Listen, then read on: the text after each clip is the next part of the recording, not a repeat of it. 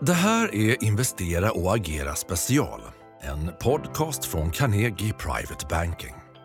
Hej och välkommen! Det är torsdagen den 3 september och eh, ni lyssnar på mig Jonas Elofsson som är börsdirektör på Carnegie Private Banking. Och eh, det här avsnittet är ett eh, specialavsnitt till Investera och agera och där är tanken att vi ska dyka ner lite djupare i ett ämne. Och efter åratal av spekulationer så har den amerikanska e-handelsjätten Amazon i augusti bekräftat att en lansering av en svensk sajt är påbörjad.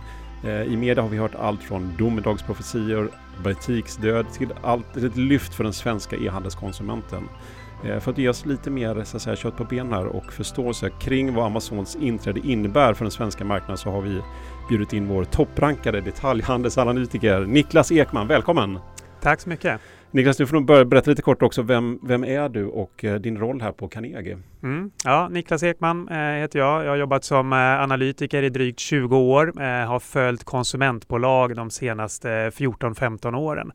Och, så jag jobbar till vardags så följer jag bolag som Hennes Mauritz, jag följer ICA Axfood, Eh, e-handlare som Boost, Bygg Hemma och så vidare. Så att mycket konsumentbolag eh, och har ju sett eh, på första parkett har jag suttit och tittat på den här accelererade online-migrationen de senaste åren.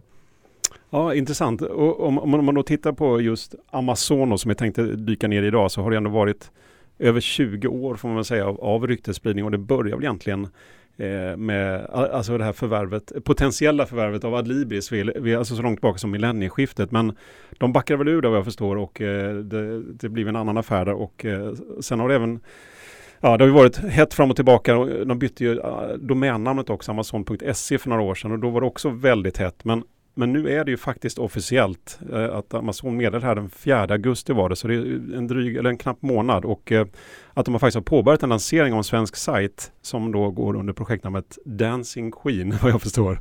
Det är uppenbarligen inspirerat av ABBA. Men Niklas, varför är det här en så stor grej? Är det liksom en game changer vi ser på den svenska marknaden? En stor grej är det. Sen om det är en game changer, det återstår ju lite grann att se. Och eh, man kan väl säga så här att hade de kommit in för fyra fem år sedan, eh, som det, det var ju mycket spekulationer vid, vid det läget, då kanske det hade varit en större game changer. I nuläget så tror jag ändå att det är väldigt många e-handlare som ändå har kommit ganska långt i sin utrullning, som har etablerat väldigt starka positioner. Jag tror att det blir betydligt svårare för Amazon att komma in i det här läget än vad det hade kanske varit för, för ett antal år sedan. Sen är det en stor grej. Är det. Amazon är en, en eh, jätte. De har eh, väldiga finansiella muskler, de har ett starkt varumärke, de är väldigt väl kända bland svenska konsumenter de har redan en ganska stark position i den svenska e-handelsmarknaden. Så att det är klart att det blir, en, det blir en stor grej när de nu går in med en dedikerad sida, börjar sälja i svenska kronor med svensk kundservice och fri frakt, fri retur och så vidare. Så det är en stor grej, men sen om det är en game changer, det återstår att se lite grann. Jag tror att som sagt att det är lite för sent. Mm.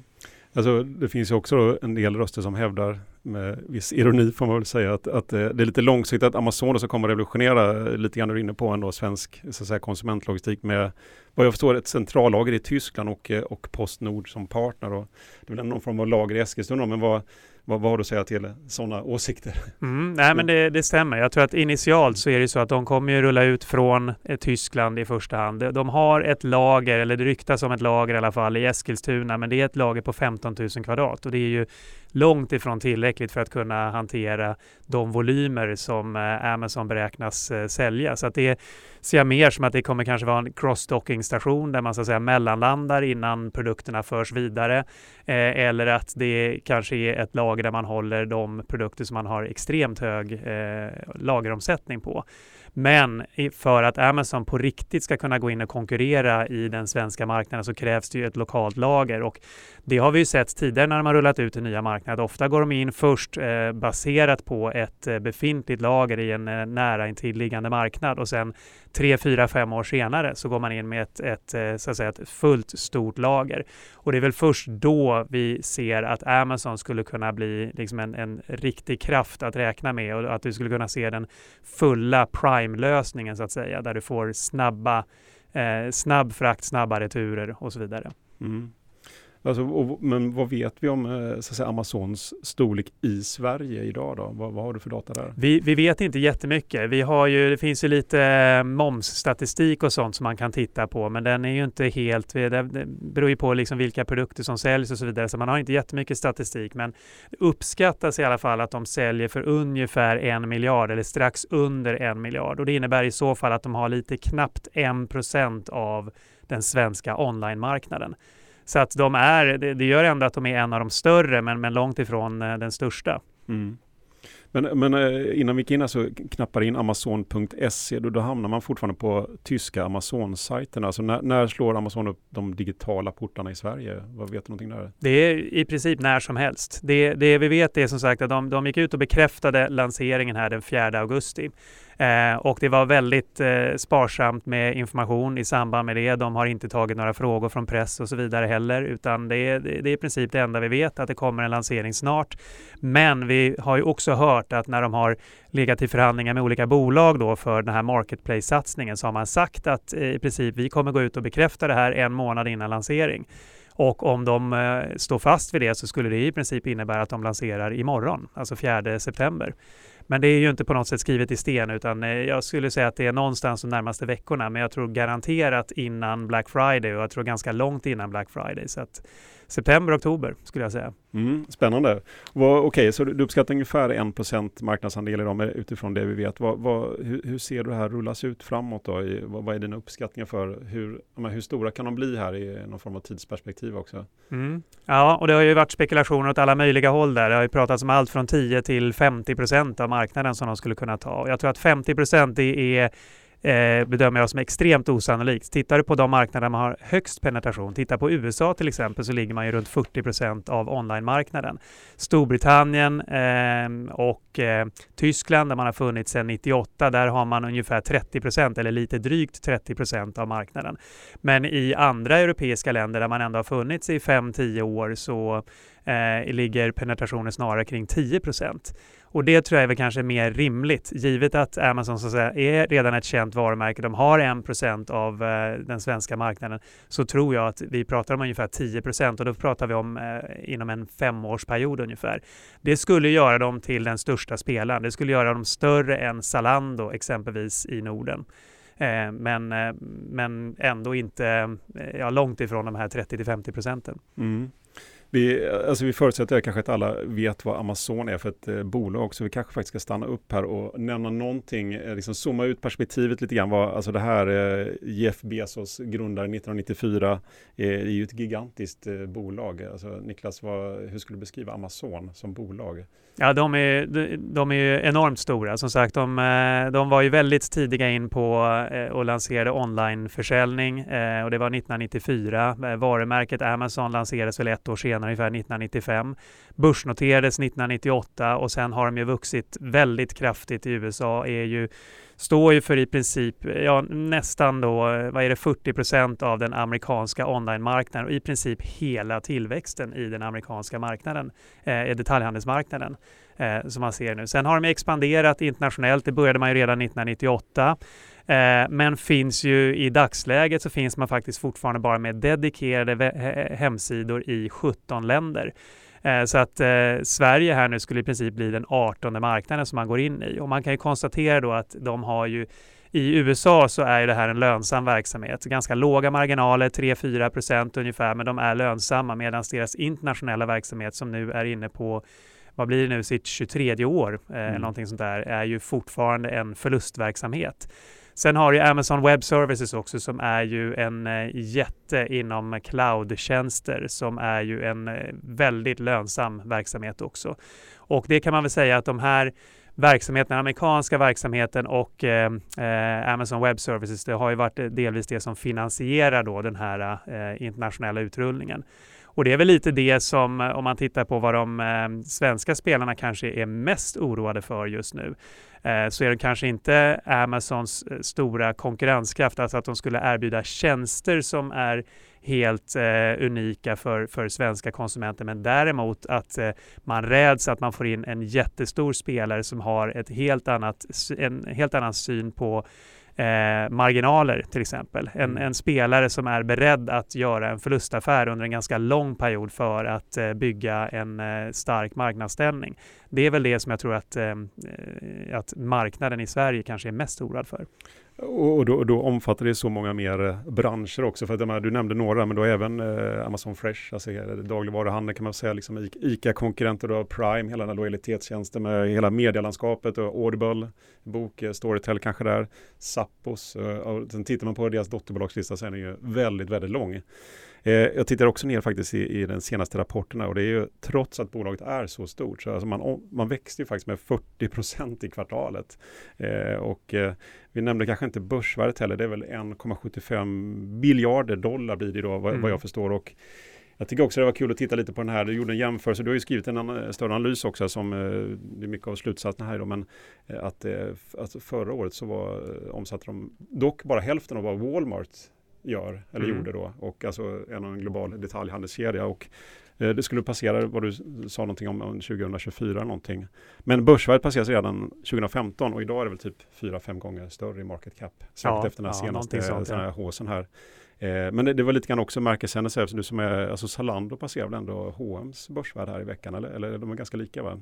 Ja, de är, de är ganska Typ lika. 200 miljarder, ja, absolut. Något sånt där. Ja, så Mm. det, det är också sånt där historiska eh, märken. Men okej, eh, vi har varit inne lite grann på hur det ser ut i andra länder där. Vad, men hur är track record så att säga? Då? Har, har de bara lyckats så att säga när de har gått in i de här, inte så jävla många län- länder ändå tycker jag, du sa 18 länder. Jag tycker det, det, man skulle gissat på många fler faktiskt här Mm. utan att, när man har läst. Men Mm. vad, vad, hur, hur, hur ser det ut i Kina till exempel? Och, Ja. Nej, Kina, Kina är väl den marknad som har varit absolut svårast för dem. Eh, och det är till och med en marknad där de har dragit tillbaka sin eh, marketplace-satsning. Så att nu säljs Amazon bara egentligen eh, direkt från, det är alltså bara Amazons egna utbud som säljs eh, i Kina. Ja. Så att de gjorde en, en dedikerad satsning där för många, många år sedan, men det har inte flugit och det är bland annat för att Ja, det är väl regleringar men också att konkurrenssituationen har varit väldigt tuff i den kinesiska marknaden. Men det är väl egentligen den marknaden som jag skulle lyfta fram där man har misslyckats. Och det kanske inte är så konstigt som sagt. Det är en väldigt reglerad marknad. Du har väldigt starka aktörer som är etablerade i den marknaden. Så att det är kanske inte är så konstigt att eh, den amerikanska spelaren inte har lyckats lika bra. Tittar man i resten av världen så i princip så skulle jag säga att man har lyckats men kanske lite olika väl i olika marknader. Som sagt, Tyskland och Storbritannien, där har man ju eh, blivit väldigt stora, väldigt framgångsrika. Medan man fortfarande ligger efter i marknader som Frankrike, Spanien, Italien och så vidare. Marknader man ändå har funnits i, i mer än tio år men fortfarande inte har liksom etablerat den här dominanta positionen som man kanske ser i, i andra marknader. Men, men i form av misslyckade marknader, då är det nog egentligen bara eh, den kinesiska marknaden man har så att säga gjort ett eh, tillbakadragande till och med. Mm.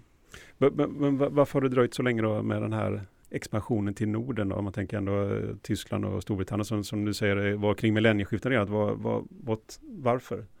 Jag tror, eh, ja, men som du säger, att, att det här var en marknad som låg högt upp på agendan för, för eh, ja, 20 år sedan.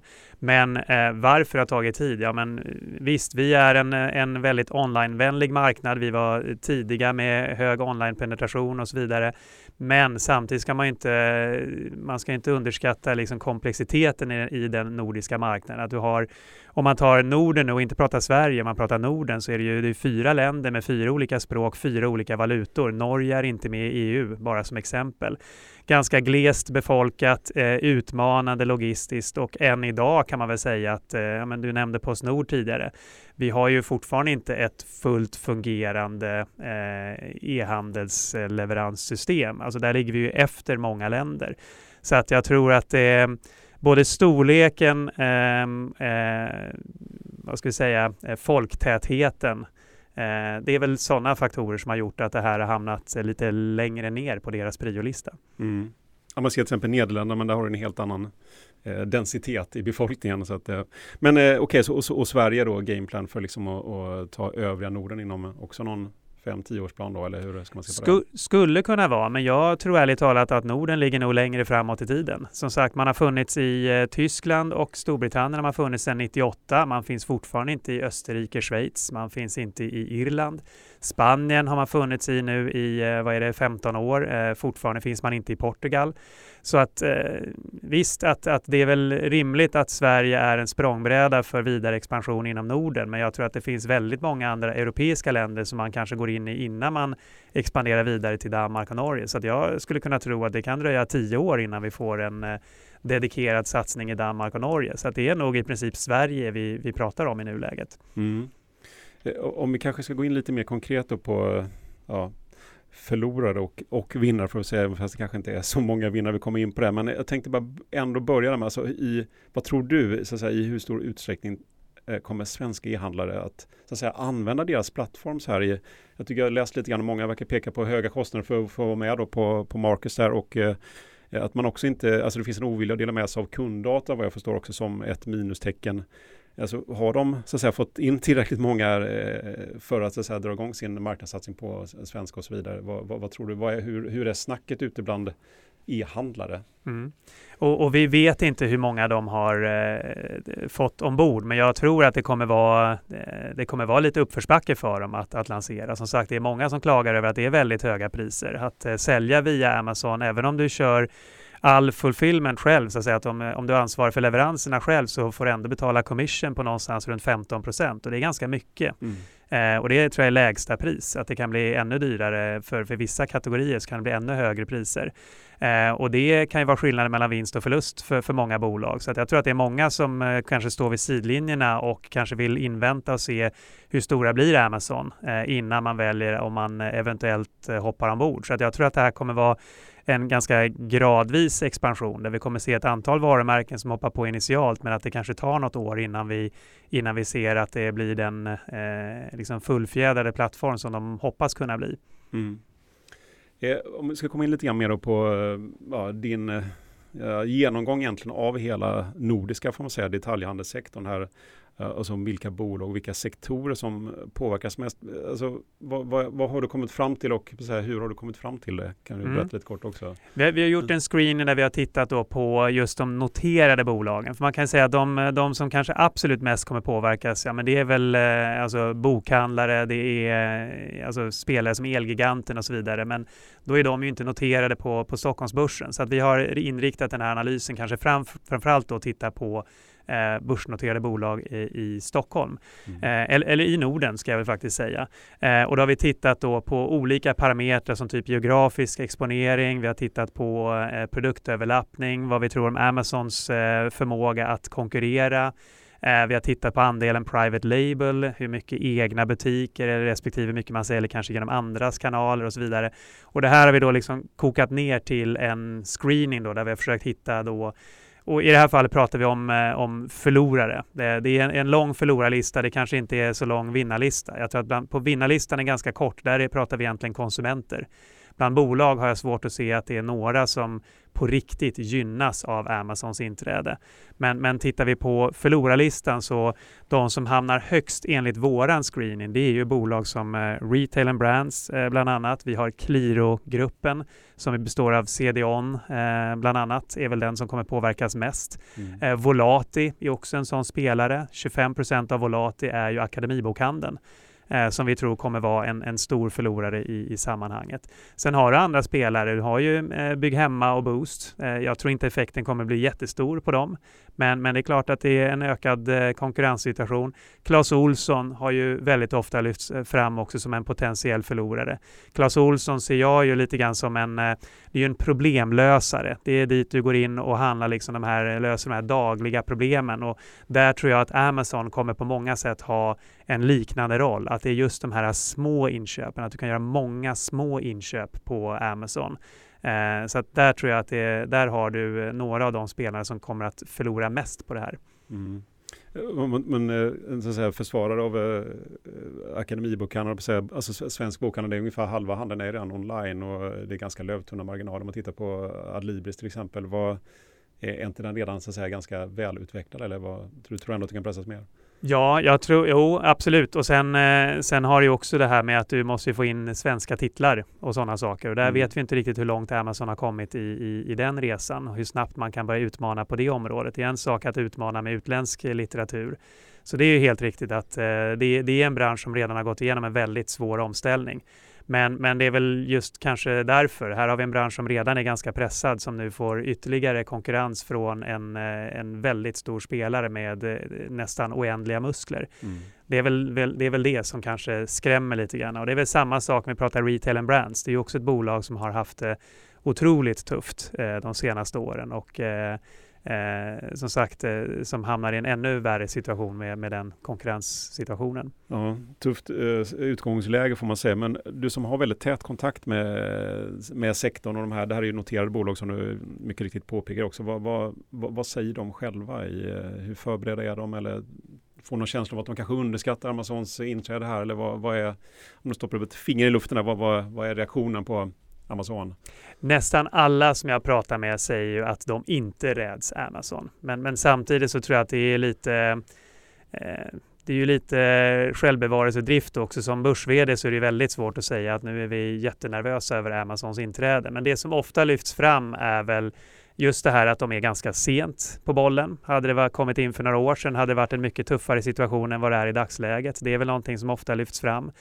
Eh, man pratar om att Amazon kan vara väldigt tuffa inom vissa produktsegment, inom vissa produkter där det kan vara väldigt tufft med just priskonkurrensen men att generellt sett så kanske Amazon inte ligger jättelångt under i pris. Eh, men jag skulle säga det som många erkänner av de börs som jag pratar med, det som man erkänner att man är nervös över, det är väl just det här som vi var inne på tidigare. Att du har en jättestor spelare med nästan oändliga finansiella muskler som har en horisont på 10-20 år. Så att medan eh, de svenska spelarna kanske sitter med marginalmål som är ett, två eller tre år framåt i tiden så har du här en spelare som kan gå in och tänka sig ta eh, tio år av förluster i den svenska marknaden. Och det är väl kanske det som skrämmer mest, att de kan gå in och vara väldigt aggressiva och på det sättet eh, störa till marknaden väldigt mycket och, och göra prisbilden åtminstone tillfälligt lite skev. Mm. Och det, precis, det, det, är ju inte bara en e-handlare, mycket som påpekar. Alltså, om man då tittar, går in lite grann på andra sektorer än uppenbar e-handel så är ju, då har jag också det här med Prime som är, man kan väl kalla det för deras lojalitetstjänst med Ja, det är väl då fria snabba leveranser som är i kubik, på att säga, obegränsad musik, det är bildlagring, det är, tror det är dataspel och en del e-böcker. Det, det, är väldigt många tjänster, jag tror man betalar man 12 dollar i månaden någonting. Mm, 12-13 dollar. 12-13 dollar och det, det, är liksom det, det är ett enormt så att säga, slagkraftigt erbjudande. Alltså kommer, kommer Prime lanseras i Sverige då tror du? Det är möjligt, men, men det kommer inte vara den fulla Prime-lösningen. Det är möjligt att man gör en sån här paketsatsning som man har gjort i, i, USA, men samtidigt en av eh, stora fördelarna med Prime är just det här med att du ska få snabba leveranser och det kan man inte riktigt göra när man kör från ett lager i Tyskland. Så att eh, huruvida de rullar ut det med Prime eller inte, det, det blir i sånt fall en väldigt vinklippt version av Prime som kanske inte kommer vara fullt relevant för konsumenter förrän man har eh, lokal eh, logistik på plats. Så att eh, nej, inte, inte en riktig Prime-lösning. Det tror jag ligger nog 3, 4, 5 år framåt i tiden. Men, men för man tänker ändå, eh, om Prime så att säga, kommer rullas ut, och då, då har man någonstans också hela det nordiska medielandskapet som är också då under kraftig förändring får man säga. Vad, alltså, vad, vad ser du där? Mm. Nu tänker vi på MTG, Nent och de här bolagen. Ja, ja men det, det, skulle kunna bli ganska tufft. Kanske, kanske framförallt just eh, ja, men Nent eh, som, som exempel att eh, tittar du på Amazon till exempel så är de näst efter Netflix så är de ju den spelare som investerar absolut mest i eh, originalinnehåll. Mm. Eh, och eh, nu har de inte haft några sådana riktiga blockbusters, men tänk dig att nästa Game of Thrones-serie till exempel skulle komma från Amazon Prime. Mm. Eh, det är ju inte alls omöjligt eh, och det skulle i sådant fall kunna bli en jättestor drivare som eh, ytterligare eh, tuffar till konkurrensen. Tänk dig att Prime i Sverige skulle börja bjuda på sporträttigheter. Ehm, oavsett om de lyckas eller inte så blir det ytterligare en spelare som går in och eh, ska förhandla om, eh, om sporträttigheter som pressar upp priserna. Så att det är klart att där har du ju ett, ett potentiellt hot, men det återstår att se hur pass aggressiva de är. Och igen, jag tror att innan de har den fulla logistiktjänsten på plats så kanske man inte väljer att vara jätteaggressiv på, på mediasidan. Så att jag tror att där har du kanske tre, fyra år innan vi ser att den konkurrensen ökar. Men på sikt, absolut. Men är, det så de har gjort i andra länder? Är de med och bjuda på sporträttigheter där? Ja, mm. i, exempelvis i Storbritannien så har man eh, ganska nyligen har man börjat köpa på sig väldigt mycket rättigheter. Och det här med att man investerar väldigt mycket i originalinnehåll, det är också ganska nyligen som man har börjat göra det. Mm. Så att eh, jag tror att de, de eh, ökar konkurrensen inom det, inom det området och skulle absolut kunna bli ett hot eh, på sikt mot, mot spelare som nämnt. Och ett annat ben är ju faktiskt annonsintäkter. Alltså, de hade någonstans 14 miljarder dollar 2019 läste jag innan. Det, det gör de alltså den, till den fjärde största mediebolaget i världen, alltså efter Google och mm. Facebook och Alibaba. Då. Ja, det är otroligt. Men eh, okej, okay, om man även kring herren där så har du Audible då som är motsvarande Storytel eh, Bookbeat. Vad, vad, vad, skulle hända där då? Liksom, ser du samma sak rullas ut där då? Skulle kunna, men, men känns som att det är kanske lite mindre, eh, lite mindre i närtid tror jag. Alltså dels eh, om du tittar på liksom den svenska marknaden där så är ju lokalt, alltså svenskspråkigt innehåll är ju 85 procent eh, av, av det som nedladdas, det som folk lyssnar på. Eh, och du har eh, bolag som Storytel och så vidare, de eh, sitter ju ändå med de har ju modeller där du betalar ett pris oavsett användning, där de flesta lyssnar på eh, fyra, kanske fem böcker per månad. Och den modellen har ju inte Audible i, i dagsläget. Där får, du, där får du bara lyssna på en bok per månad, till, visserligen till ett lägre pris. Men, men eh, en annan modell plus att de egentligen helt saknar svenskt innehåll gör också att den där jag har svårt att se att den satsningen kommer vara särskilt vass initialt. Men det är samma där, att tittar du ett antal år framåt, om vi ser att de på riktigt vill, vill utöka sin satsning i Sverige, så skulle det här ju kunna vara en, en spelare som går in och eh, eh, sätter rejäl press på en bransch som redan har ganska tunna marginaler. Mm. Kanske en förvärvare också, vem vet? Skulle kunna vara. Eh, även ICA kanske och Axfood, den, då har ju Amazon köpte ju Whole Foods där i USA 2017 var alltså hur, hur trolig en sån, alltså det här, den kan väl för um, Amazon Fresh, precis, mm. hur, hur trolig en sån tjänst i Sverige idag? Man ska aldrig säga aldrig, men eh, Fresh-satsningen, eller, eller alltså satsningen på färsk mat, eh, den är, eh, finns i dagsläget i fem länder i 30 städer. Eh, så det är fortfarande en väldigt liten andel av eh, Amazons eh, försäljning. Och det är ju en utmanande. Det är tufft att sälja mat på nätet. Det är väldigt hög plockkostnad, väldigt hög leveranskostnad till en kund som dessutom är väldigt prismedveten. Eh, jag tror inte att de kommer göra det i första läge. Om de gör det i Sverige så är det för att man gör det som en pilotmarknad där man vill testa en ny marknad. Jag tror inte att, de, att det här kommer bli som ett steg av en, en massiv europeisk utrullning. Så att det är om vi har, om ICA och Axfood har otur så gör de en pilotsatsning i, i Sverige. Men eh, jag tror att det är ganska osannolikt faktiskt. Mm, ja, intressant. Det, det, man ser hur många, otroligt många bolag som, eh, och, och tjänster som Amazon erbjuder. Jag tror att det är dags att runda av samtalet faktiskt. Och, eh, det var väldigt intressant att ta del Niklas av, eh, av dina tankar här och din analys. Vad, om man då ska, det finns nog de som skulle hävda kanske att The Winner Takes It All skulle varit en bättre ABBA-inspirerat projektnamn kanske för Amazons lansering i Sverige. Men men eh, du har ju delvis varit inne på det, men kanske ändå bara som en avslutning. Alltså, vad, hur, stå, hur ser Amazons här, position ut i Sverige om, om 10 år, om 20 år? Lite sådär summerande. Mm. Bra. Ja. Ja, men om 10-20 år, då tror jag absolut, då kommer man ju ha en marknadsandel som är en bra bit över 10 procent. Jag tror att de kommer vara absolut störst i svensk eh, e-handel. Eh, Sen tror jag att eh, det är inte en winner takes all-marknad utan jag tror att det, det finns absolut utrymme för eh, fler spelare. Men en sak som man kan konstatera generellt sett när det gäller e-handel är ju att eh, om man tittar på traditionell butiksbaserad handel så är det en ganska fragmenterad marknad. Tittar man på e-handelsmarknaden så är det en mycket mera konsoliderad marknad. Så att jag tror att vi kommer nog, vi får vara inställda på att tittar vi 10-15 år framåt i tiden så kommer vi ha generellt sett betydligt färre eh, retailers som har en mycket större andel, som kontrollerar en mycket större andel och Amazon kommer vara en av dem. Ja, Det var en bra avslutning Niklas. Stort tack för eh, din medverkan i podden. Tack! Är du intresserad av topprankad aktieanalys och unika investeringsmöjligheter? Gå in på carnegie.se privatebanking och lär dig mer om vad du får som private banking-kund hos oss.